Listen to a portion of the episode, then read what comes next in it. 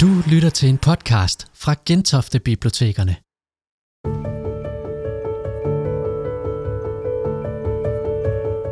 Du skal nu med ind i salen på Gentofte Hovedbibliotek torsdag den 10. juni.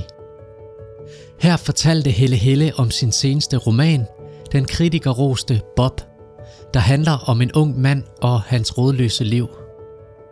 Helle Helle kommer desuden ind på sit øvrige forfatterskab – Rigtig god fornøjelse.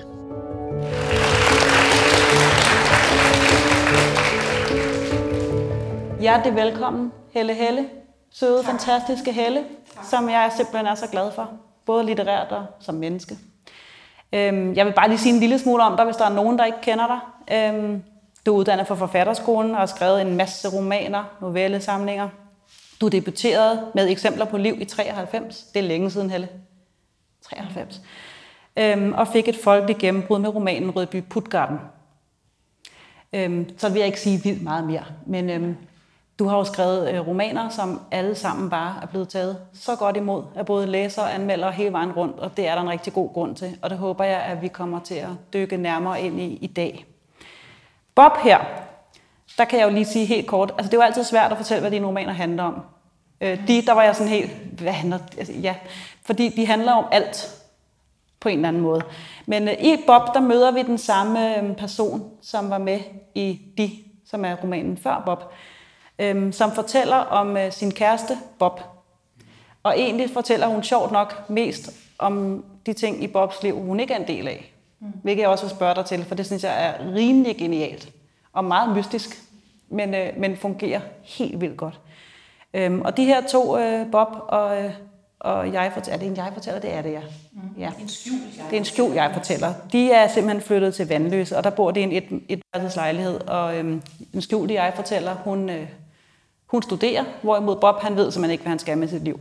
Han arbejder på Sømandshotellet, og far ellers lidt rundt, kan man sige. Eller går rundt og mm. sover en del. Men det kommer vi også ind på. Øhm, men øhm, øh, de spørgsmål, jeg vil stille dig i dag, Helle, de er sådan ikke akademiske, de er mere sådan lidt intuitive. Og det har jeg faktisk valgt, fordi jeg også synes, at dine romaner er så intuitive. Mm. Øhm, og jeg har virkelig, virkelig svært ved at sætte en finger på, hvad det er, du kan, og hvad det er, du gør. Og det er også, fordi jeg ikke vil sætte en finger på det.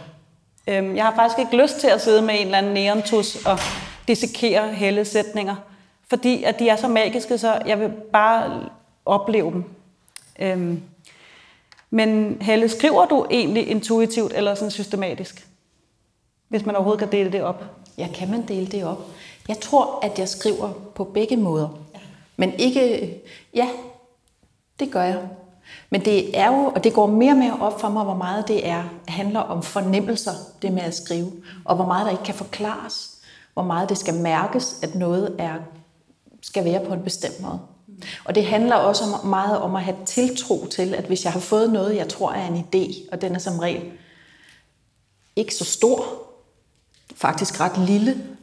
Ideen til Bob her, det var, øh, efter jeg havde skrevet den forrige, som det er jo ikke sikkert, at alle har læst den, øh, med en ung pige, som bor alene med sin mor i Rødby, og moren bliver dødeligt syg. Og så handler den roman ligesom om deres, hvordan det de skal gå i opløsning. Og, øh, øh, og hun møder så forskellige andre unge på gymnasiet, hvor hun begynder, og en af dem er Bob. Og da jeg havde skrevet den roman, den kom i 2018, så følte jeg faktisk, at jeg var, jeg tænkte, nu tror jeg, skulle jeg er færdig som forfatter, fordi, nej, jo, nej, jeg tænkte, jeg har brugt, nu har jeg brugt, nu har jeg brugt det sidste om det hele. Jeg har ligesom skrevet om Rødby, jeg har jo skrevet Rødby Putgarden, og så endnu en roman, der var derfra. Og jeg har jo dyrket Lolland og alt det der gamle Storstrøms Amt, fordi mine bøger også altid foregår, eller ofte foregår i 80'erne og 90'erne, og det gjorde den her så også. Så hvad skulle jeg nu gøre for at komme videre? Og så slog det mig en dag, at jeg måske først skulle til at begynde nu. så tænkte nu bliver det alvor. Nu, nu går jeg videre derfra. Det kan være, det er en åbning. Øhm, det er noget af en opvarmning, vil jeg sige, Helle. Ja. Det er... Oh, der er den der igen, ja. Den er, det, det er noget opvarmningsbane, ja. du Men. Ja, det er det. Men i forhold til, hvordan jeg så skriver, så, så er det meget, så tænker jeg, okay, Bob, han er hovedpersonen, og hvad er der sket med hende, efter hendes mor død?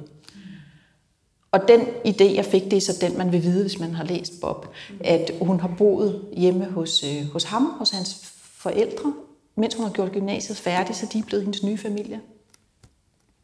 Og det satte forskelligt i gang i mig. Jeg tænkte, hvad, hvad gør man, hvis man er ganske ung og har en kæreste, som næsten er den familie, man har også, fordi at hans forældre er så tæt på en. Det kunne jeg godt sætte mig lidt ind i. Jeg har selv prøvet noget lidt lignende.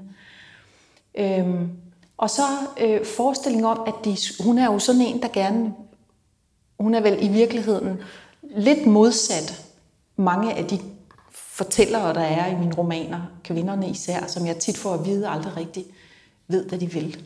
Mm. Altså som sådan kommer til at tage et forkert tog og sådan noget, fordi nogen gør sådan der. Altid sådan, ikke? Øhm, så så, så øh, hun vidste jo, at hun ville ind og studere, tænker jeg, og så, hvad så med Bob? Han flytter med, og hvad vil han? Han vil gerne hende. Ja, nu kommer jeg til at sige noget om, hvad den handler om, men udgangspunktet var så også sådan nogle helt formelle ting, fordi jeg vil altid gerne have, at der skal være noget. Øhm, altså, jeg prøver for hver roman nu, det har ikke været sådan altid, at skrive den sådan så, at den ikke kunne findes som andet end roman. Altså jeg, jeg kunne godt tænke mig at skrive litteratur, som kun kan eksistere, altså som man ikke ville kunne lave på andre måder. Altså for eksempel film, tænker du på? Ja, fordi at for eksempel ved at have en jeg-fortæller, som kun siger jeg en gang, og så i øvrigt trækker sig væk, som så synsvinklen hele tiden er, mm. det tænker jeg, det kan man vel ikke det kan man vel ikke gøre på en film. Og det samme med den forrige roman, som er skrevet i sådan en konsekvent nutid, også når det ikke kunne lade sig gøre. Og, og det, det er det, der er eksperimentet her. Ja, det er jo meget langt svar på men, det spørgsmål. Jamen, det var et rigtig godt svar, men, men det sjove er, at det jo ikke føles som noget eksperiment. Nej. Overhovedet. Nej. Altså, fordi, og det er jo så nok din dygtighed, man føler ikke, man er ude i et eller andet, hvor du eksperimenterer med at skrive noget, der kun kan skrives en roman. Man føler, man er ude i noget, der bare er, som det skal være. Okay. Sådan har jeg det i hvert fald som ja. læser. Men jeg var meget spændt på, hvordan det ville virke, når man har en jeg-fortæller, som kun siger jeg i den første linje. Øhm, fordi det, der er jo det ved at sidde og skrive, at man bliver frygtelig blind over for stoffet. Og så går der, øh, så, så har jeg læst det så mange gange, de der sider, at jeg til sidst jo ikke ved, hvordan det virker. Så det var jeg ret spændt på. Så jeg ventede lidt efter, jeg var færdig med at skrive den, med at læse den igen. Og det, jeg kunne stadigvæk ikke rigtig se det, for jeg vidste det jo. Det er jo det der, når man ved, hvordan en bog den er, og man selv har skrevet den, så er det enormt svært at mærke, hvordan virker det så? Men, øh, øh, da jeg så læste, så læste jeg den ind som lydbog, og der mærkede jeg, hvordan jeg synes det virkede. Og, jeg, og det, følte jeg, det, det føltes næsten helt... Øh, jeg, jeg ved det ikke, jeg synes, det var helt klaustrofobisk næsten. Men, men ikke kun, eller sådan helt, jeg tænkte, kom nu, hvor er hun henne? Altså, ja, ja. Og det var, det var egentlig ikke kun den... Det, jeg gerne ville opnå med det, det var, at jeg tænkte, kan det store drama i bogen være, hvordan den er fortalt? I hvert fald kan man sige et underliggende drama i bogen. Ja, det som er, jeg ser det som om, det er en roman, hun måske har skrevet mange år efter, hun blev færdig på litteraturvidenskab og måske blev forfatter. Nå ja. Og øhm, her er så, her er det Bob, der får lov til at... Det var tanken bag, at han skulle være der. Altså, at hun ville prøve at lade ham have al pladsen. Ja, fordi hun er jo på en måde selv en tom plads i bogen. Ja. Og alligevel tænker man rigtig meget over hende. Mm. Altså jeg tænker for eksempel meget over, når nu Bob han øh, lige møder øh, Cola eller en anden, så tænker jeg meget over, det er hende, der skriver det, hvordan har hun det med det? Mm. Altså det, det giver jo hele bogen en enorm øh, mystik og en enorm øh, spændstighed. Altså man er jo vildt nysgerrig på hende. Mm. Samtidig med, at hun jo er, hun er jo hele bogen. Hun er jo hver sætning, der vinder, der skriver den. Det er hende, der fortæller jer. Og det håbede jeg så, at man måske glemte undervejs, og så pludselig står der vi. Det gør og så man skulle man gerne få et chok, når der står vi nogle gange, og tænke, hvor kom det vi fra, når hun er der? Men hun var der da ikke. Og der, hvor han skal knap ryge af og triller hen til hendes kinasko. Ja. Og så tænker vi også på første linje i de, ikke? med kinaskoene. Jo. Og, og kålet. Ja. Er det blomkål? Ja. ja. Øhm, jamen der får man nemlig sådan en chok faktisk. Mm. Sådan, gud ja. Mm. Så møder han. Men du spurgte om det der med, om jeg skriver, hvad var det du sagde? Intuitivt. Intuitivt eller noget andet. Ja. Nå. Eller om du sådan sidder... Ja, jeg tænker på, om du sidder sådan og planlægger det. Har du sådan en synops ja. på sådan et whiteboard? Eller sådan, at det kan jeg ikke forestille mig, men, men sådan, er du meget sådan systematisk, eller skriver du ligesom, hvor personerne flyder, flyder derhen? Det, der var udgangspunktet her, var faktisk, at jeg havde de første fem linjer, og de sidste fem linjer. Og dem arbejdede jeg på i meget lang tid, faktisk i et år eller noget, hver gang ude at gå. Så tænkte jeg, fordi jeg ville have slutningen og begyndelsen til at være ligesom navnet Bob, at den skulle kunne læses både forfra og bagfra. Ah, ja. Som et udvidet palindrom. Ikke ligesom ikke en af dem, der red med fane. Er det ikke den, man kan læse forfra og bagfra, men på ordniveau. Sådan så, at der skulle stå øh, cirka 3-4 linjer, og så når bogen sluttede, så vil man genkende nogle af de ord og tænke, det har jeg da set før. Og så vil man bladre om først og sige, det, det synes jeg kunne være så elegant, hvis det kunne lade sig gøre at have en bog, der ligesom foldede sig sådan sammen. Og jeg havde også tænkt, at den skulle kunne indholdsmæssigt foldes hen over midten, sådan så at alt det, der sker for Bob først, det går rigtig godt, og så på midten, der går det rigtig af H.C. Altså sådan en slags historie. Så det er jo egentlig meget systematisk. Ja, ja. Men så sker der jo så bare, og, men det var også det eneste, jeg havde. Jeg vidste, det skulle være i Vandløse, oven på tankstationen ved Linde Allé, 1985, og Bob og hende. Og så tænker jeg, hvad skal der ske? Ja, det er, jo, det er jo så det, det må jo så komme, det der skal ske. Det er ikke sådan den store plot fortælling, men det er det måske alligevel på en måde. Det synes jeg alligevel. Øhm, ja, men det lykkedes jo så ikke det der med at læse den forfra og bagfra, fordi jeg havde, det, jeg havde faktisk skrevet den færdig sådan, så læste jeg den højt for min mand, og da jeg nåede til de sidste fem linjer og læste dem op, så jeg, for det første tur jeg kigge på ham, det gør jeg, han, han siger heller ikke noget, når jeg læser, og der, øh, jeg kunne mærke allerede, mens jeg læste, at det gik ikke. Det var alt for mærkværdigt. Der er mange mærkelige sætninger i bogen, men det der, det var for mærkværdigt. Men der er rester tilbage af det i, i starten. Jeg kan lige læse de fem første linjer. Gør lige det. Flytter Bob og jeg så til Vandløse. Vores hjem var der oven på tanken, og vi fik stavparket. Op og ned ad trappen gik det. Bob bar næsten alt. Papkasser, poser og sække. Konstant sagde en af os, hvor heldig har man lov at være. Lejligheden var en etværelses med altan. Der er mange rester af det projekt i den her. Mm. De, første, de første to ord, det er den bogen og slutter med. Det kan jeg jo godt sige, når I har læst den. Flytter Bob, og den, sådan, den slutter Bob flytter. Og når der står, flytter Bob og jeg så til Vandløse, så er det fordi, at jeg havde en linje, der var, ad Vandløse til så jeg, og Bob flytter. Sådan sluttede den. Så det der så skulle blive til så. Og grunden til, at de faktisk kom til at bo oven på tankstationen, for jeg var meget i tvivl, om de skulle bo henne på Langdraget, som er sådan et fantastisk vejnavn derude. Der er mange gode vejnavn. Det var, at, øh, at det var, at, den, at bogen også skulle bruge det der tanken, som så var tanken ovenpå, som var, der var hjem vores omveje af vandløse til, så jeg og Bob flytter. Så noget lignende. Nå, og, jeg har lyst til at skrive det ned, så jeg kan huske ja, det. Men, altså, men sådan er der jo så meget, der kan være en fix idé, og nogle gange så er idéer gode idéer, dårlige idéer faktisk. Fordi, men det satte mig jo i gang med at skrive, at jeg tænkte, hvad sker der så undervejs i det her? Hvad er det for en tragedie, der skal udfolde sig? Fordi det er det jo faktisk på ja, en måde. det er det. Det er det helt bestemt. Øhm, en hverdagstragedie. En hverdagstragedie, ja. Som alle vores liv på nogle måder nogle gange måske ja. er. Øhm, men Helle, en ting, jeg altid har tænkt over, når jeg læser og har læst dit forfatterskab, det er simpelthen ligesom, hvis jeg spørger mig selv, siger, hvad kendetegner det allermest? Øhm, Udover dit helt sublime sprog. Altså man tænker jo, du har dit eget sprog. Altså du har opfundet et nyt sprog, men, eller i hvert fald bruger vores sprog på en anden måde. Mm-hmm. Så er det øhm, det, som gør, at jeg nærmest på hver side både griner lidt og, og, og græder, i hvert fald har lyst til at græde. Øhm, det tænker jeg handler om den enorme øhm, medfølelse og menneskelighed og kærlighed, der er til figurerne. Jeg føler simpelthen, at der er så stor kærlighed til det, at du skriver med så stor kærlighed til dine figurer, og dermed også til læseren.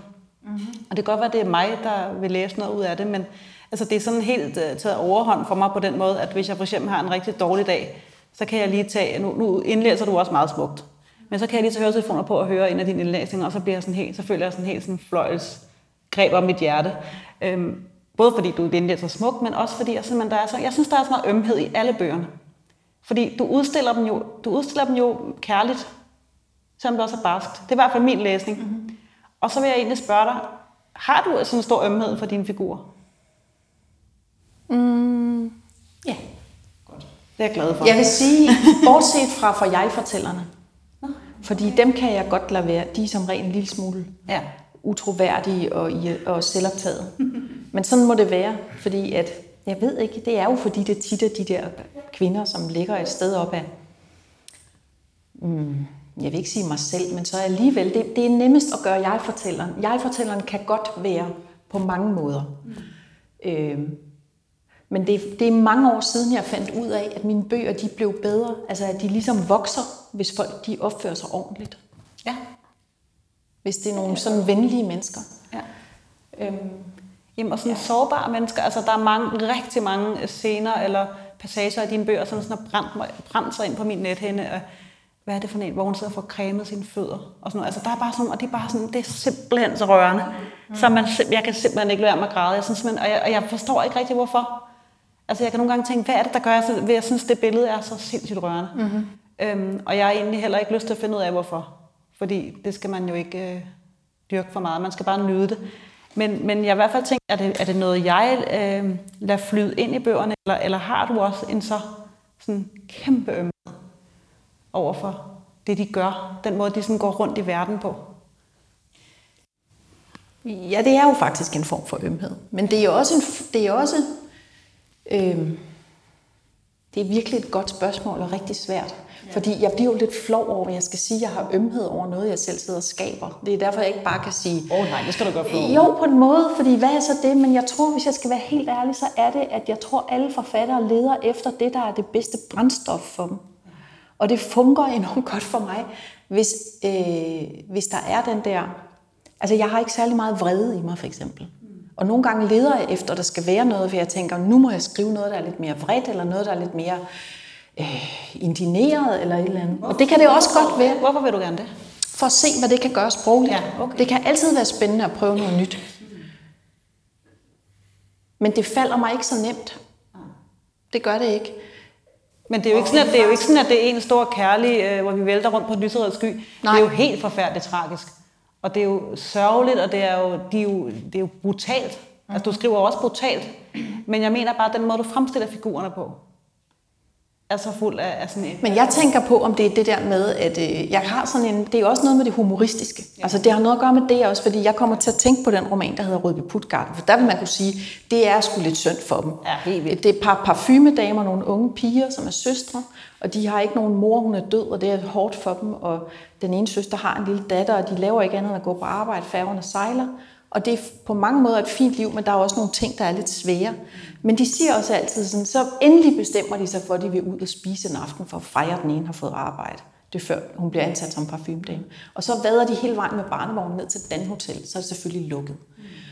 Og så tænker de, at vi kan lave en pizza. Men de har ikke noget gær. Men de tænker, at vi kan lave en pizza med bagepulver. Og så har man vist nok en dåse sardiner. Og så siger den ene, det er bare typisk os. Eller sådan, ikke? Og det, det er måske mere det, at, øh, altså, at de godt selv kan se, at der er noget, der ikke er helt nemt. Kan det være det? Og sådan er det jo også en lille smule for Bob. For mig der er det det der med ham, som, er, som, som måske virker på den der måde. Det er mere, at han kommer, og det havde jeg rigtig meget lyst til at skrive om, det der med at komme fra øh, provinsen. Mm. Han kommer fra en forstad til Rødby, der hedder Gæringe. Og så flytter han ligesom ind med hele provinsen på ryggen, eller sådan. Den er med, han ankommer på den måde. Sådan, han hilser på, på folk, han møder, han husker at sige farvel til buschaufføren og sådan noget, som man gør ude på landet, fordi ellers er det, bliver man måske ikke taget op af bussen næste gang, hvis ikke man fik sagt farvel, da man blev sat af. Og, altså han prøver at gøre sig venner med folk, og han, han kigger på de folk, han møder, og er hjælpsom og så videre, ikke? indtil det sådan efterhånden begynder at gå lidt af ham eftersom han bor længere og længere tid der i Vandløse og har været i alle gaderne i København og ikke rigtig kommer videre med sit liv, så bliver det lidt svært for ham til sidst. Og så tænker jeg nu, hvor jeg allerede har stillet svære spørgsmål, så bliver det sådan lidt mere svært nu. Mm-hmm. Øh, men, men det her med, altså så, så, så går han rundt der og gør alle sine ting og skrubber på tingene og ordner på tingene og laver mad og køber skjorter og alt det her. Og man har jo fornemmelsen af, at han er i opløsning. Altså man har jo fornemmelsen af, at der er noget helt galt. Altså man kan jo ikke lade mig at sidde og har en depression, eller hvad der sker. Og så synes jeg simpelthen, det slår så hårdt, når så... Øh, nu har han ved og den her stol, og der er en barn øh, i toget, der gerne vil prøve at sidde i den. Øh, og så står der, når kaffen var drukket, blev det lidt sværere. Altså, og sådan en sætning, den rammer jo simpelthen bare en som sådan et sylespids i hjertet. Fordi der siger han jo klart, at livet er svært, og man skal hele tiden foretage sig noget for at holde det svære væk. Og når så kaffen er drukket om aftenen, så bliver det sværere. Altså, det synes jeg simpelthen er så um, elegant, i stedet for at han går og snakker dagen lang om, hvor svært han har det. Øhm, der er også en ven, ven hans ven, øh, hvad hedder han, Vøl, Vøl, Han hedder Vulse. Vulse. Og det er efter en by på Falster. Nå, for den. Det havde jeg ikke gættet. Men han spørger også på et tidspunkt, er du trist? Altså, og det, det rammer jo bare ind som sådan en lyn, fordi det er jo også det, man sidder og tænker selv. Mm. Er Bob tri- Hvorfor er Bob så trist? Ja, det er fordi, han er nået hen til midten af bogen, hvor det skal gå Nå, dårligt. ja. det er klart. Ej, det var et godt svar. Det er sådan et svar, man godt kan lide som litteraturkonsulent. Ja. Nu er det jo hende, der fortæller, hvad det var, der skete. Ja. Så det er hendes forståelse af, eller hendes idé om, hvad der gik galt, og hvad der var. Ja, jeg tror, han har det så skidt, fordi han er alene jo. Mm. Fordi han burde jo være der sammen med hende, men hun er hele tiden til læsegruppemøder, til fest på et kollegie, og ude måske med en, der hedder Gus og sådan noget. Og, øh, og så går han der alene, og hvad skal han lave? Han er for alene, og det er det, der er svært. Og han vil så gerne være en del af et fællesskab, og så bliver han viklet ind i noget med noget, en fra Nyhavn. Det er hende, der hedder Cola. Og øh, han vil i virkeligheden ikke det, tænker jeg. Men han vil gerne snakke med nogen. ja, han vil gerne noget, ja. noget. Han vil bare gerne noget. Ja. Jamen altså, det, og- og det er jo det, der gør, at den roman også er så spændstig. Altså det er så, fordi at man, man, hele tiden, man, man prøver hele tiden at finde ud af, hvad er det, der rigtig plager ham. Altså en ting, der ramte mig sådan helt personligt, privat i den, det var, at jeg nogle gange kan have sådan nogle mareridt, øh, hvor jeg simpelthen ikke ved, hvem jeg sådan rigtig selv er. Jeg kan ikke rigtig finde ud af, om jeg egentlig går i gymnasiet eller på universitetet, og så skal jeg pludselig starte i første G og sige, at jeg er egentlig færdig også med en kant med, jeg forstår det ikke. Altså sådan en fornemmelse af at være identitetsløs og ikke rigtig vide, hvor jeg egentlig er. Altså, hvor bor jeg? Bor jeg hjemme i Charlottenlund eller Lyngby? Og derfor har den ramt mig simpelthen så hårdt, fordi jeg synes lidt, det er sådan, han også går rundt i verden. Mm. Han ved ikke rigtig, hvor han skal hen, og hvor han kommer fra. Han kan ikke rigtig ligesom, jamen altså finde sig selv lyder forfærdeligt, klichéagtigt. Men, øhm, men det der på en eller anden måde identitetsløse, synes jeg er enormt uhyggeligt. Jeg tror, han længes rigtig meget hjem til markerne. Ja, det tænker jeg også. Jeg Men da han også, var at hjemme på markerne, og han gik i byen nede i Rødby Havn med nogen på et diskotek, så hver aften sad han alligevel og følte sig højt hævet over de andre og tænkte, han vil gerne være med, og han vil alligevel ikke være med. Det er, noget, jeg, det er noget, jeg synes, jeg genkender rigtig meget fra mig selv, men det er også noget, der er, det er en spændende, det er en spændende person at skrive om. Og jeg tror egentlig, at Bob han ligner rigtig meget mange af mine andre hovedpersoner. De har bare været kvinder. Mm. Altså nogen, som altid er et sted, hvor Ja, hvor man, ligesom du siger, ikke rigtig ved, hvad man egentlig vil, eller skal, eller gør, eller er. Og så ved man det pludselig alligevel. Øhm, og som regel har det jo noget at gøre med de andre. Hvordan, hvordan personerne bliver til noget i kraft af de andre. Det er meget tit sådan, at jeg, at jeg beslutter egentlig, jeg kom i tanke om for ikke så længe siden, at jeg, det er som om, hver gang jeg går i gang med at skrive, så tænker jeg, nu skal jeg skrive en bog om at være alene. Nu skal den handle om det. Og så kommer den egentlig ofte til at handle om ikke at være det. Eller om at, ja, om at prøve at bringe sig selv i en position hele tiden, hvor man ikke er det. Men hvor man alligevel er det. Ja. Ellers vil man jo ikke prøve at komme i en position, hvor man ikke er det. For jeg synes, de er meget alene, mange, mange af dine personer. Øhm, I hvert fald alene i deres lille egen sådan, private ensomhed. Deres lille egen private verden. Øhm, men som du så siger, som de prøver at kæmpe sig ud af. Hvilket jo også er enormt rørende at, at læse om. Øhm, Ja, så har jeg, nu har du selvfølgelig forklaret om det, men da jeg kom op på kontoret her tidligere og læste nogle passager højt, jeg er allermest vild med, så siger, min- så siger min kollega Pia bare, hvor får hun det fra? Og så tænker jeg bare, det er egentlig et godt spørgsmål, hvor får hun det fra? Altså, hvor får du det fra, Helle? Altså, hvor får du øh, det Helle Helle univers, du har skabt igennem alle bøgerne, som er så særpræget og markant. Altså, jeg tør ved på, at jeg kunne læse en hvilken som helst side ud af tusind sider og kunne sige, den har du skrevet. Hold da op, ja. Øh, jamen, det er sådan, dig virkelig. Undskyld. Jamen, det gør ikke noget, fordi det er jo fantastisk, hvis det er sådan, det er. Men det får mig til at tænke på en gang en anden situation, eller den her, hvor der var en, øh, en, der interviewede mig på en scene og sagde, du fandt jo din tone meget tidligt. Hvad gør du for at holde den? Og, øh, og, og mit svar var selvfølgelig, at jeg gør alt, hvad jeg kan for at undslippe den. Ja. Fordi jeg er bange for mange ting, men jeg er virkelig bange for at komme til at gentage mig selv til evig tid, bare dårligere og dårligere. Nej, nej, nej, det gør du ikke. Til, nå, men det, men det ved du da ikke. Det ved man jo ikke. Jo, altså nu gør du ikke. Nej, nej, men det kan Du jo det ske. videre. Og så vil man jo gerne bremses, inden man opdager det. Men hvad skal man så lave? Hvis der ikke er flere bøger at skrive, kan man selv holde op.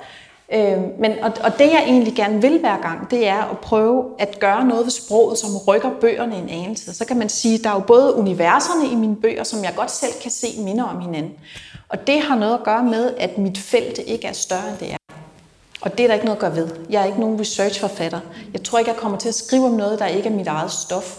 Og det er jo ikke autofiktion. Jeg har ikke boet om på tankstationen. Jeg boede nede på Kastanjallé. Jeg flyttede ikke sammen med en, der hed Bob, eller med nogen. Jeg flyttede på kollegiet og begyndte at læse litteratur, videnskab med ringe held.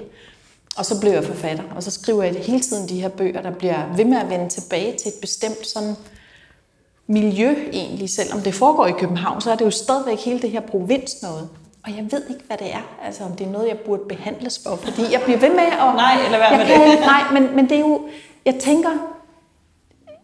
Jeg kan godt selv se, at der er nogle begrænsninger indholdsmæssigt i det, jeg skriver.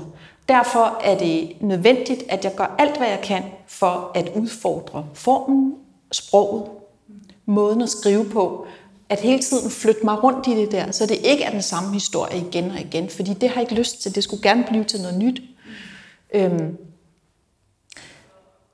Så, men det er sjovt, fordi at der, jeg tror også, at mine bøger de i virkeligheden ligner hinanden meget mere, end jeg selv er klar over. Jeg har for nylig indlæst de første fem af mine bøger som lydbog, og så opdagede jeg desværre, at i nogle af dem var der nogle fejl, og derfor har jeg så efterfølgende læst korrektur på samtlige af mine romaner og novellesamlinger. Lige ja, for ganske kort tid siden blev jeg færdig. Så der var jeg sådan set, det var en meget mærkelig oplevelse at læse øh, sine egne værker fra begyndelsen og se, hvordan de var.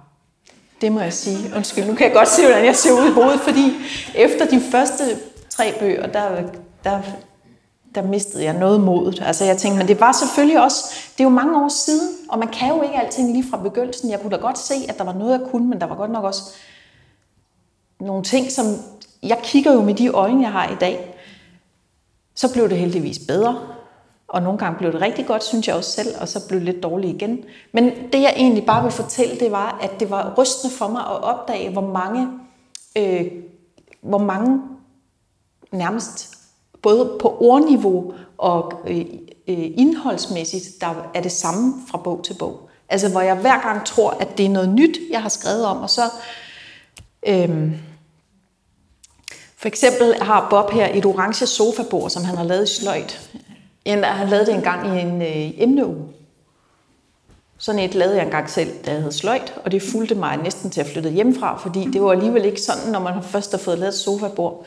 Og så det var med. Og det er altså med den her, jeg synes selv, det var ret sjovt, han har taget det med til vandløse, og han finder det også nede i et kælderrum til sidst og bærer det op i lejligheden. Så opdagede jeg, at jeg har to andre orange hjemmelavede sofabord i mine, altså, som nogen har lavet sløjt i mine andre bøger. Og der var simpelthen så mange eksempler. Der var også en vendinger. Der var også to romaner, hvor nogen, lige efter hinanden, hvor nogen kommer gående ude i naturen, og så er der en stor rovfugl, der letter lige foran an dem, sådan, så de mærker et sus. Det synes jeg selv var sådan, sådan en flot oplevelse, men det stod så i to på hinanden følgende bøger. Og, og lige sådan er det også inde i bøgerne, at øh, der er så mange ting, jeg finder, når jeg redigerer, og jeg redigerer hårdere og hårdere, jo ældre jeg bliver. Jeg bruger rigtig meget tid på at redigere. Fordi jeg vil godt have, når man læser bøgerne, skal man ikke sidde og blive irriteret. Jo, det må man godt, men ikke over noget, jeg ikke ved i hvert fald. Det der med, at man tænker, jeg har lige læst en roman, glimrende noget, jeg læste i går, hvor at, øh, hvad søren var det for et ord, der stod øh, overraskende. Og så kom jeg om på næste side lige for oven, så stod der også overraskende. Så tænkte jeg bare, ej, det er løgn, men så stod der overraskende en gang til lige efter. Så vidste man, okay, det ved han godt, han gør. Og det er altid det der med, at du kan gøre det tre gange, så er det fint nok, to gange, så er det en fejl. Ja. Øhm, Er det en feature eller en bug? ja, Ja. Altså, men, men jeg vil godt have, at man, at, man, at man kan mærke, at der er sådan en variation i sproget faktisk. Det er meget vigtigt for mig med den der variation. Så det gør jeg ved, at øh, det er det eneste, jeg har af liste, og når jeg skriver svarene til det der. Det er en kæmpe lang liste, hvor jeg hele tiden, mens jeg skriver bogen, noterer mig ord, jeg skal huske at tjekke bagefter. Og det er ord som for eksempel ikke, cykel, fortov, øh, altid, en gang, i går, sådan noget. Altså, men det er også ord som øh, manøvre, som jeg altid kommer til at bruge i mine bøger nogle gange, og, det, og det, jeg vil have det med én gang højst per bog, fordi det er også blevet en mani at ligesom skrive, at noget er en manøvre. Øhm, og så når jeg er færdig med romanen, så tjekker jeg alle de her ord igennem, og det, det tager rigtig lang tid og er meget spændende, og det, er, det føles for mig faktisk som litteraturens inderste væsen. Det er at sidde og gøre det der, må jeg sige, nu du snakker om system eller intuition, fordi så kommer det spændende nemlig. Hvis der nu står altid øh, fem gange efter hinanden, hvor der ikke skal gøre det. Jeg bruger simpelthen søg- og erstat-funktionen på computeren, uden at erstatte. Jeg søger bare, og så, åh oh nej, tager jeg mig til hovedet. Nu står der igen. Også fordi jeg skriver tit så langsomt, at jeg allerede har glemt, hvad jeg skrev på forrige side, fordi der er gået halvanden uge. Og så er det det der med, hvordan ændrer jeg så? Kan jeg fjerne ordene, eller hvad kan jeg sætte i stedet for? Øhm, for det er altid. Og meget, meget ofte oplever jeg, at handlingen, og det er faktisk også undervejs i skriveprocessen, at handlingen ændrer sig, fordi der er noget sprogligt, der ikke kan lade sig gøre. Øh, fordi at fordi jeg har skrevet kaffe øh, på den side der, du læste op, så er der nogen, der kommer til at, øh, at ikke øh, lave sig en kop te på siden efter, eller der er nogen, der kommer til at tage toget, fordi at, at jeg har skrevet, at de, at de gik før. Eller, altså at, at det simpelthen kan være noget, der ikke lader sig gøre, øh, lader sig gøre, fordi jeg ikke vil gentage mig selv. Så flytter det handling, og så bliver det til noget andet. Og der er jo også den ting, hvis man begynder at reparere på sit sprog, og flytte og fjerne og bytte rundt, og finde ud af, hvad for et ord skal jeg beholde, hvad for et af de altid skal jeg beholde, så kan bogen gå fuldstændig i opløsning til sidst. Øhm, fordi så erstatter jeg det ene med et andet, men det andet, jeg så finder i stedet for, det har jeg så brugt siden for inden, og så går det også i stykker og så videre. Så det er også noget med at holde, holde tungen i munden, men det synes jeg er rigtig, rigtig spændende faktisk, når noget først er skrevet, og kigge på det med de øjne. Hvad er det egentlig, der står? Det er nærmest sådan forskning, eller sådan... Ja, det, kan man, det ved jeg. Jo, det har du nok ret i. Men også det der spændende i, at, at øh, ja, det er jo fuldstændig vildt, hvor meget man kan ændre ved at ændre en lille bitte smule. Altså om man skriver et, et til eller hen. Altså det, det er så små nuancer. Og det er dem, jeg gerne vil arbejde i. De kræver også, at man læser langsomt, hvis man skal have det fulde udbytte, ved at tro. Det gør det, ja. Og det er måske også det, er måske også det der faktisk er definitionen på dit særlige univers.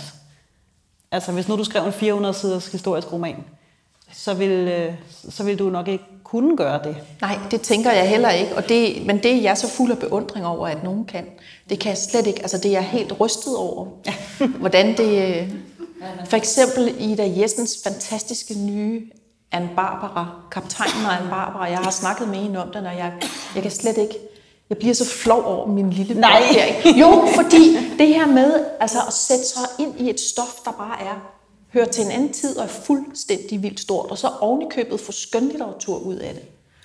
Men, øhm, men, Helle, men så vi du arbejder jo andet på, stof. Altså, på det vores bare lige, forskellige jeg, jeg er nødt til også at indskyde, at du sætter dig ind i lige så stort stof. Det er måske bare et mere psykisk eller indre stof. Det synes jeg altså virkelig, jeg vil holde fast i. Ja, helt sikkert. Jamen, det, er, det er også lidt bruggeri, når jeg siger, at det er ikke en bog, den er noget. Fordi selvfølgelig synes jeg det, for ellers vil jeg da skrive nogle andre. Det er klart. Altså, hvis jeg kunne... Øhm, jeg har en, et meget klart billede af hver eneste bog, som er en helt henstøbt, helt øh, anderledes fra de andre bøger, okay. værk. Og for figurerne øh, har, er helt forskellige for mig. Jeg ser, og, og, og så de her ting, du nævner, jeg har godt lagt mærke til nogle af de her ting, men jeg ser det som en lille hilsen fra dig til læseren, mm-hmm. der binder dine bøger sammen. Jeg ser det overhovedet ikke som en fejl. Eller som en sådan... Men det er faktisk også rigtigt. Det er rigtigt. Det, det er det, det også godt. tit. Det er tit også en hilsen, og jeg tror også, hvis man tog alle mine bøger og lagde dem, så vil man se, at Tine i den her, det er Tine fra Rødby Putgarden. Ja, det er en, der er med i, de er alle sammen med i bøgerne. Altså for eksempel, når jeg ser Kinaskoene, når Kinaskoene dukker op her, ja. så jeg sidder og huder helle. Altså jeg sidder ja. bare sådan, åh, hvor er det vildt! Altså, Men det er også med vilje. Det er rigtigt nok. Det er jo selvfølgelig med vilje. Og det er godt. Så, så, Men sofabordet var ikke med vilje. men det troede jeg, det var. øhm, så, så, så, men, men igen, for at vende tilbage til det her, øhm, jeg lige sagde før, med, det, med at det kan godt være, at du ikke skriver historisk og researcher helt tilbage til, jeg ved ikke, hvornår landbrugssamfundet her der. men du har jo en enorm øh, research, enorm viden i det her indre liv. Øhm, det er i hvert fald sådan, jeg læser det. Og en af de ting, som jeg har tænkt utrolig meget over, sådan uden rigtig at tænke over det, men som jeg har beskæftiget mig meget med i, i alle dine bøger, det er det her med, hvordan at det, det hele, eller det hele gør ikke, men på det overordnede, på det ydre plan, så foregår det hele ligesom i omgivelser af ting, de gør. Og pizzaer, de bager, og tøj, de vasker, og ting, de henter og bringer og køber og spiser.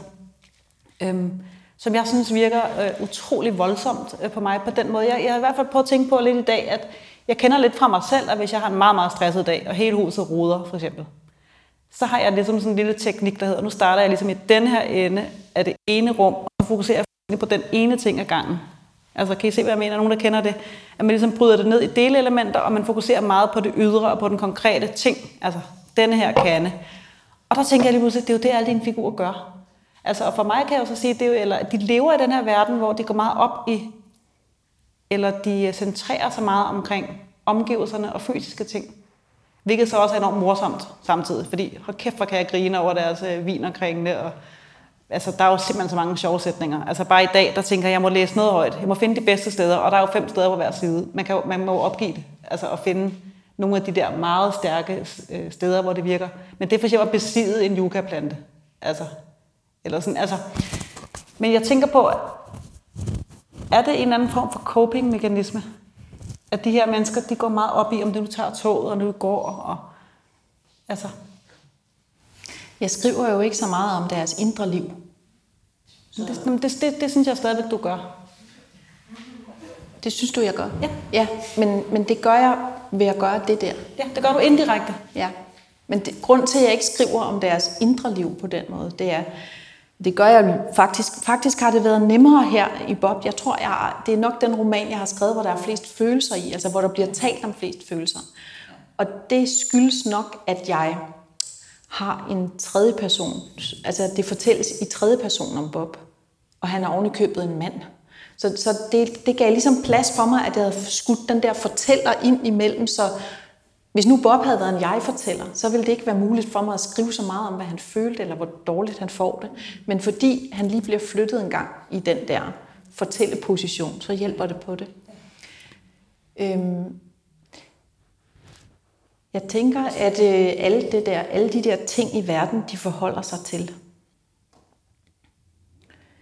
Det er dem, der, der viser, og det er dem, de bruger til at være i den verden, og også tit til at nærme sig hinanden jo. Mm. Altså, at de er i de rum sammen og går hen, og, og ja, at de har en standardlampe, som de, som de er glade for, for ingen andre på deres alder har ja. en. Og så, det, så forholder de sig til den. Og det, den standardlampe betyder så utrolig meget, fordi at det er en, de har fra hendes mor, som er død, og så er den fulgt med hjem på gården osv. Så der er alle mulige lag nede under det, når de siger standardlampe. Ikke? Det er det. Øhm, jeg har lige været med i sådan et øh, digitalt arrangement den anden dag med øh, et, et, øh, et fag på Syddansk Universitet, der hedder narrativ medicin i tirsdags. Og det er et fag, som handler om, at øh, det er jo på medicinstudiet, hvor man underviser i, øh, kan man sige, om skønlitteratur kan udvikle empatiske evner. Og det var rigtig spændende at være med. Det ved jeg jo ikke noget om, om det kan. Men derfor har jeg tænkt meget for, sådan på det seneste, fordi jeg skulle være med i det der på, hvad er det så, der er mit projekt i forhold til det? Altså alt det her med, at du siger, det handler om, om mennesker, og hvordan de er sammen og så videre i verden. Det, det er egentlig det, bøgerne handler om. De handler faktisk om følelser, alle mine bøger. De handler om, hvordan er det at være os. Ja, lige på. Altså også selvom, eller de handler egentlig om at prøve at træde ind i et andet menneskes bevidsthed. Hvordan er det at være en anden? Og det kan man jo ikke, men, og det kan, det kan hun jo heller ikke. Så på den måde er den, fortælle, den fortæller også, som hun er her i bogen, fordi hun øh, egentlig så, så gør hun jo det umulige at skrive en roman om, hvordan det er at være Bob. Og jeg skriver en roman om, hvordan det er at være hende, der fortæller om, hvordan Bob. det er at være Bob. Ikke? Men det er det, som jeg bruger mine kræfter på, når jeg skriver, det er at forestille mig, hvordan det er at være de andre og være Bob. Og det kan jeg levende forestille mig. jeg, mine bøger, de, øh, de handler på en gang rigtig meget om mig selv, og samtidig overhovedet ikke. Fordi jeg bruger jo alt det her med, hvor jeg kommer fra, og jeg har boet i Vandløse, og jeg har læst litteraturvidenskab, og, og alt muligt andet. Men, men øhm, ja, det der ikke handler om mig, det er så, det er så alt det, der, der opstår, når jeg sidder og skriver. Fordi jeg er ikke interesseret i at skrive min egen historie, men, men en anden. Og det, den, den, jeg tror, det der allermest af mig i bøgerne, det er, hvordan de er i verden. Det er det, der er min research. Og jeg tror, min, øh, jeg har meget lang tid om at forstå, hvordan jeg er i verden, og det er nok derfor, alle mine bøger foregår dengang i 80'erne eller 90'erne. der, man prøvede at finde ud jeg af har det. også andre romaner. For eksempel den, der hedder Ned til hundene, der fortæller om 42. Det er min rekord. Nu er jeg selv 55, og jeg har et projekt for den næste roman, som jeg håber, øh, og for flere romaner, som måske kan flytte alderen lidt, men, men jeg har virkelig, det, det, det er som om, jeg stadigvæk er i gang med at bearbejde det, der var for mange år siden. Og der er noget rigtig spændende ved den tid også, fordi der er så, var så mange... Det var der, hvor tingene stod åbne, og det var der, man til en vis grad følte sig udødelig. Og derfor godt kunne komme til at gå den forkerte vej, fordi ja, så gik der et år med det, men hvad så? Fordi sådan er det jo at være ung. Det er, at så har man boet pludselig et halvt år med Bob i Vandløse, selvom det var ikke det, man skulle. Det er jo en del af livet også at gøre det, selvom det ikke skal ende der med ham. Og, og alle de erfaringer, der kommer med, det synes jeg er rigtig spændende at skrive om, og det giver mig en masse stof også. Også det for eksempel at flytte sammen med sin kæreste for første gang. De har jo boet hjemme hos hans forældre, men det er noget helt andet, at de så bor sammen der, fordi det er en voldsom ting at komme med alt sit eget og skulle dele et hjem med den anden. Pludselig er der så meget praktik. Ja. Og det er noget, der fylder lidt i bogen også. Det er, at, at øh, de, de synes, jeg tror, de er enige om, at de ikke skal tale så meget om opvask og karklud og badeforhæng, der bliver røde for neden af kalk og okker og sådan noget. Og væltede shampooflasker og alt det. Hun synes ikke, det er åndfuldt, tror jeg. Så de, laver, de aftaler, de ikke skal tale så meget om det, men de skal jo have mad, for eksempel. Og så kommer alle diskussionerne om den mad. Må man sætte gryden på bordet? En synes måske, at det må man, og en synes, det er dårlig stil, for derhjemme, der havde man det altid ildfaste fade.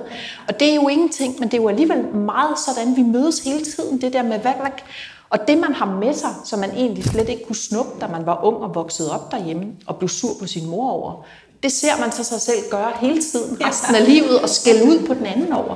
Og det kan sådan set blive, nu har jeg prøvet at blive skilt og, og, og gift igen, og det opstår jo igen.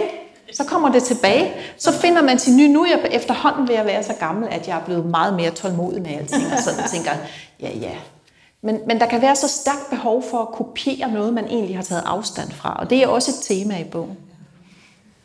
Ja, og som alt andet i din bog, så er det jo ikke bare, at de har en overenskomst om skyllemidler, eller hvad det er, de har hele tiden. Så, så ligger der jo så meget andet bag.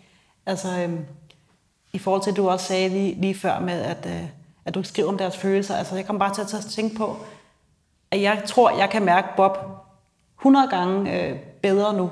Altså, hvad det er, han kæmper med hans ensomhed, hans længsel, hans rå, råvildhed, tror jeg, jeg kan mærke 100 gange bedre, end hvis du har skrevet en, øh, en, et meget psykologisk drama, hvor du udfoldede alle hans, øh, alle hans traumer, alle hans øh, psykologiske mangler. Ja, det er altså, for det man jo- kan jo mærke det i, altså, du fortæller ikke, hvordan han har det, du viser, hvordan han har det.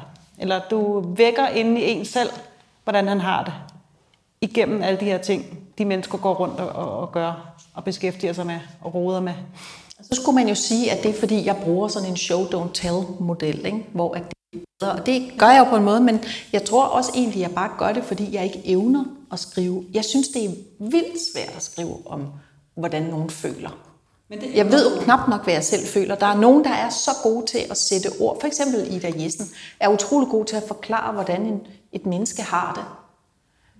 Det synes jeg er så svært. Men hvis du, evne, hvis du ikke evnede det, Helle, hvorfor skulle jeg så sidde og græde over, at han sidder der i bussen med... Jamen det er fordi, at man kan jo, man kan, det at se kan også være at forstå. Ja. Og jeg ser det egentlig meget som om, at det, jeg gerne, det jeg forestiller mig, den der var læseren, at, at vi ligesom er fælles om at se det her. Vi siger det ikke, vi ser det. Øhm. Og igen er det jo bare noget med at, at, at finde ud af, hvor man har... Nu er jeg jo forfatter, og det er det, jeg gør. Jeg er rigtig glad for at skrive. Jeg er meget taknemmelig over, at jeg kan leve på den her måde, fordi det føles meget, meget meningsfuldt. Og det gør det, fordi øh, alt andet kan forsvinde i skriveprocessen. Man bliver meget tit spurgt om det her med, om der er noget analyt, altså hvad hedder det, noget, øh, noget terapeutisk i at skrive. Om, om jeg bearbejder gamle traumer, for eksempel. Ikke? Det, det tror jeg mange forfatter. Man, jeg har det også selv sådan, når jeg læser romaner af nogen, jeg kender eller ved lidt om. Så tænker jeg, der bearbejder han det, og hun bearbejder det, og så videre. Ikke? Det gør, sådan er det jo tit. Og det er det selvfølgelig også for mig. Selvfølgelig er der noget. Der er noget med flytninger, der er noget med mødre, højt elskede mødres, og der er noget med alt muligt, og der er noget med kærester, som ikke kan kommunikere og alt sådan noget. Men, men ja, det virkelig terapeutiske ved at skrive, det er faktisk at lave noget, som er at gå ind i et rum og lukke en dør, og på gode dage glemme sin egen eksistens og føle sig helt opslugt af noget, der foregår på papir, som ingenting er jo. Det er jo helt mirakuløst, at man kan det, og at det kan interessere nogen. Ja, og det kan forbinde både dig til os andre og menneskeheden. Men samtidig har det også sådan, at det, det er sådan, jeg ser på det at læse. Det er sådan, det er også at læse. Det er jo, at man, der åbner sig et rum, hvor, at, hvor man både er dybt nærværende og helt væk fra den verden, der er lige omkring en. Det synes jeg er så... Det, det er der ikke rigtig nogen andre medier, der kan erstatte. Ikke engang en lydbog, fordi en lydbog, der... Nu har jeg jo så lige indtalt de der første af mine bøger også. Nu har jeg alle mine bøger mine egne indtalinger. Men, men selv jeg, som ved nøjagtigt, hvordan det skal siges, hvordan jeg har tænkt det, når jeg læser en replik for eksempel, jeg laver jo en fortolkning. Det gør man jo, når man siger det. Hvorimod, når man sidder som læser og læser en roman, så foregår det hele inde i en selv. Man hører det for sig, man ser det for sig, og, og man kan ikke rigtig dele det. Man deler egentlig et, et, et man deler egentlig livet og verden med noget, som er herinde i. Ikke? Og det synes jeg er så vildt. Og den samme følelse, det er den, jeg, jeg kan mærke, når jeg skriver. De ligger meget tæt op af hinanden, de to ting, at læse og at skrive. Ja, det der smukke i, når jeg kan se øh, Bob og, og jeg-personen, eller jeg-fortælleren for, for mig, jamen, det er jo ikke en hallucination, det er jo ikke, fordi jeg er blevet skør, men, øh, men det er jo heller ikke virkeligt. Altså, det, det der mellemliggende område mellem de to ting, synes jeg er helt enormt spændende. Altså, øh, og synes jeg, du er enormt god til at, at skabe fordi det, du skriver, er så billedskabende, så det, så det er jo, det findes jo i ens egen forestillingsverden. Det er jo heroppe, den findes. Den findes jo også her i, i nogle papirstykker med noget skrift på. Men det er jo inde i hovedet på læseren, den, den rigtig findes. Og inde i hovedet på dig selvfølgelig. Man ønsker sig jo sådan nogle romaner, hvor, at, øh, hvor, de, hvor personerne bliver ved med at leve i en. Ikke? Så nogen, man tror, der har eksisteret i virkeligheden. Ja. Og det her, jeg altid må nævne Katinka Bay fra Ved Vejen. Ja. Fordi det er ligesom, når hun har da eksisteret. Nej, det har hun ikke. Men det kan ikke passe. Nej, det er så trist, når man tænker, at de slet ikke eksisterer. Nej, det er alligevel ikke trist, fordi at det gør hun jo. Man har hende jo med sig, eller jeg har også noget med Maria fra Himmel og Helvede af Kirsten Thor, for eksempel. Ja. Jeg bliver ved med at se hende blive slået med en spejpølse oven i hovedet nede ved Kødbyen, ja. når jeg er der. Og det, jeg læste den roman i 1984, da jeg var au pair i England. Og, ald, og jeg synes, jeg har aldrig læst om noget så eksotisk som København. Og jeg lå på et værelse i Liverpool.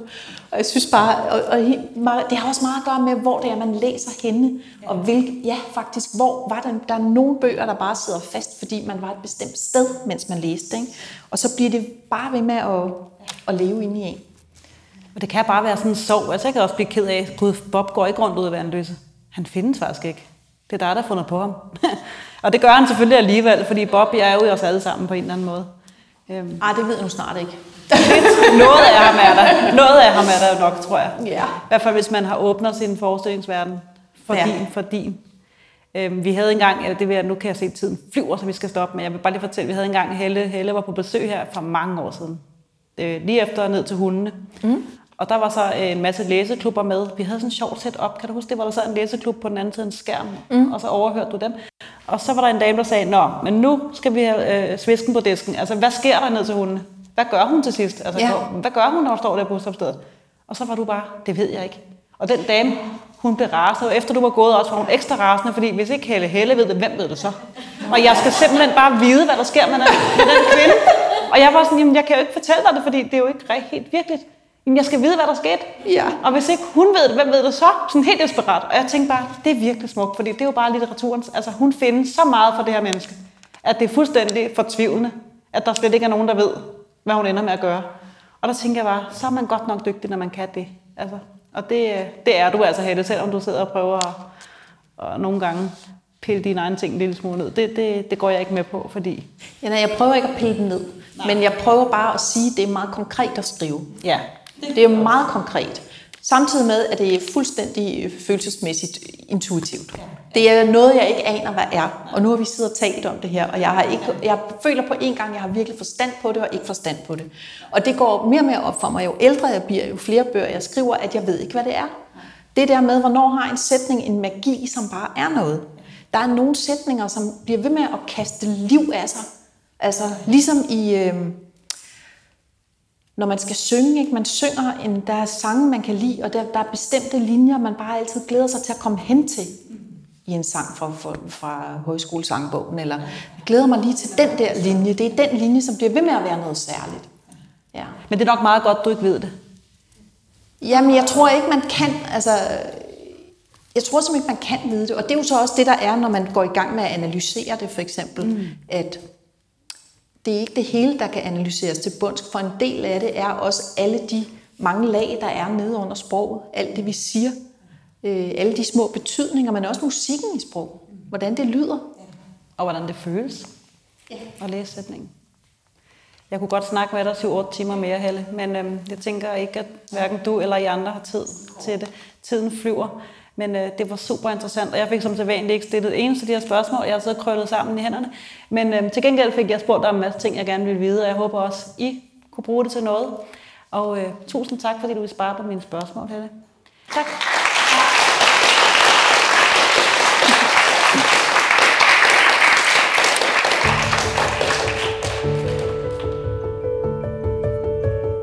Tak fordi du lyttede med til arrangementet optaget den 10. juni på Gentofte Hovedbibliotek. Du finder mange flere podcast på vores hjemmeside.